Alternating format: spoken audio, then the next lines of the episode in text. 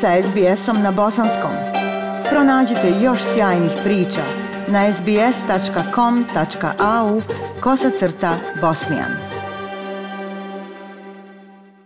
Prema novom zakonu koji je predložila Savezna vlada, od australskih birača moglo bi se tražiti da pokažu identifikacione dokumente prilikom glasanja na sljedećim izborima. Prijedlog zakona ima za cilj spriječavanja prevare tokom glasanja, ali se suočio sa žestokim kritikama laburista i zelenih, koji su se pitali da li je to zaista neophodno. Zastupnik iz laborističke partije Tony Burke usprotivio se u četvrtak u parlamentu prijedlogu zakona rekavši da je to pokušaj da se u australsku demokratiju dovede Trumpova Amerika. This is about undermining support for the, the democracy here. It's about... Ovdje se radi o potkopavanju podrške našoj demokratiji. Radi se o taktici koju smo vidjeli kod Donalda Trumpa. To je ono što ova vlada radi.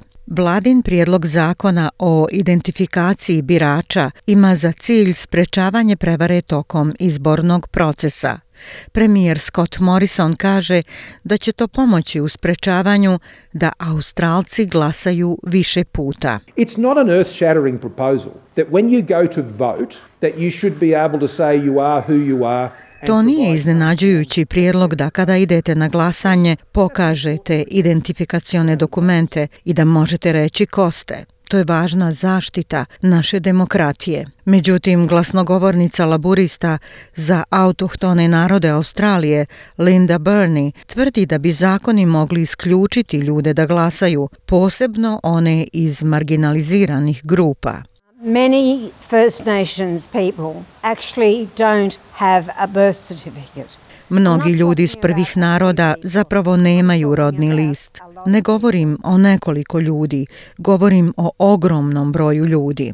Laburisti tvrde da je takav zakon nepotreban. Ove sedmice Australska izborna komisija saopštila je Senatu procjenu da je nešto više od 2000 ljudi glasalo više puta na posljednjim izborima 2016. godine. Od tog broja 24 osobe su ispitivane od strane Australske federalne policije, ali niko nije procesuiran. Predsjednik izborne komisije Tom Rogers kaže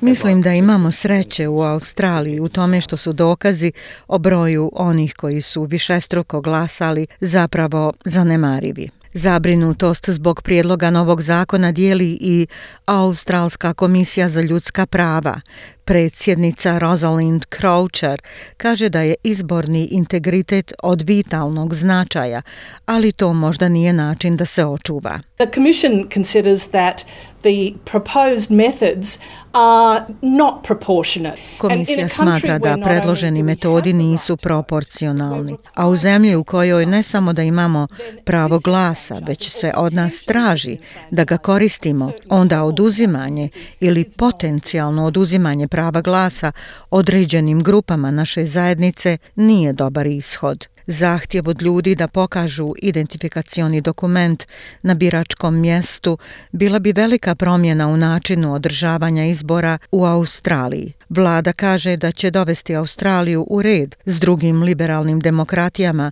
kao što su Sjedinjene države, Kanada i Švedska i obećava da niko neće biti spriječen da glasa. Ben Morton, ministar za parlamentarna izborna i financijska pitanja, kaže da postoje odredbe za autohtonu autohtone Australce koji nemaju uobičajene forme identifikacije. Now under this legislation, Mr Speaker, Not one voter will be turned away from a polling booth for any reason. Prema ovom zakonu nijedan glasač neće biti vraćen sa biračkog mjesta iz bilo kojeg razloga. Ovaj zakon će omogućiti autohtonim Australcima da koriste dokumente koje su izdala starosjedilačka zemljišna vijeća. Još uvijek postoje poređenja sa sistemom u Americi, koji se naziva oblikom pritiska na birače, ali izborni analitičar izbornih procesa, dr. Kevin Bonham, kaže da postoji manji rizik da se to dogodi ovdje. I think this is down the lower end of the scale. Any, any attempts in the US are more of an issue. Male su mogućnosti jer je sistem glasanja drugačiji. U Americi glasanje je dobrovoljno, pa kada stvarate prepreke glasanju u Americi, to povećava rizik da ljudi mogu odlučiti da ne glasaju.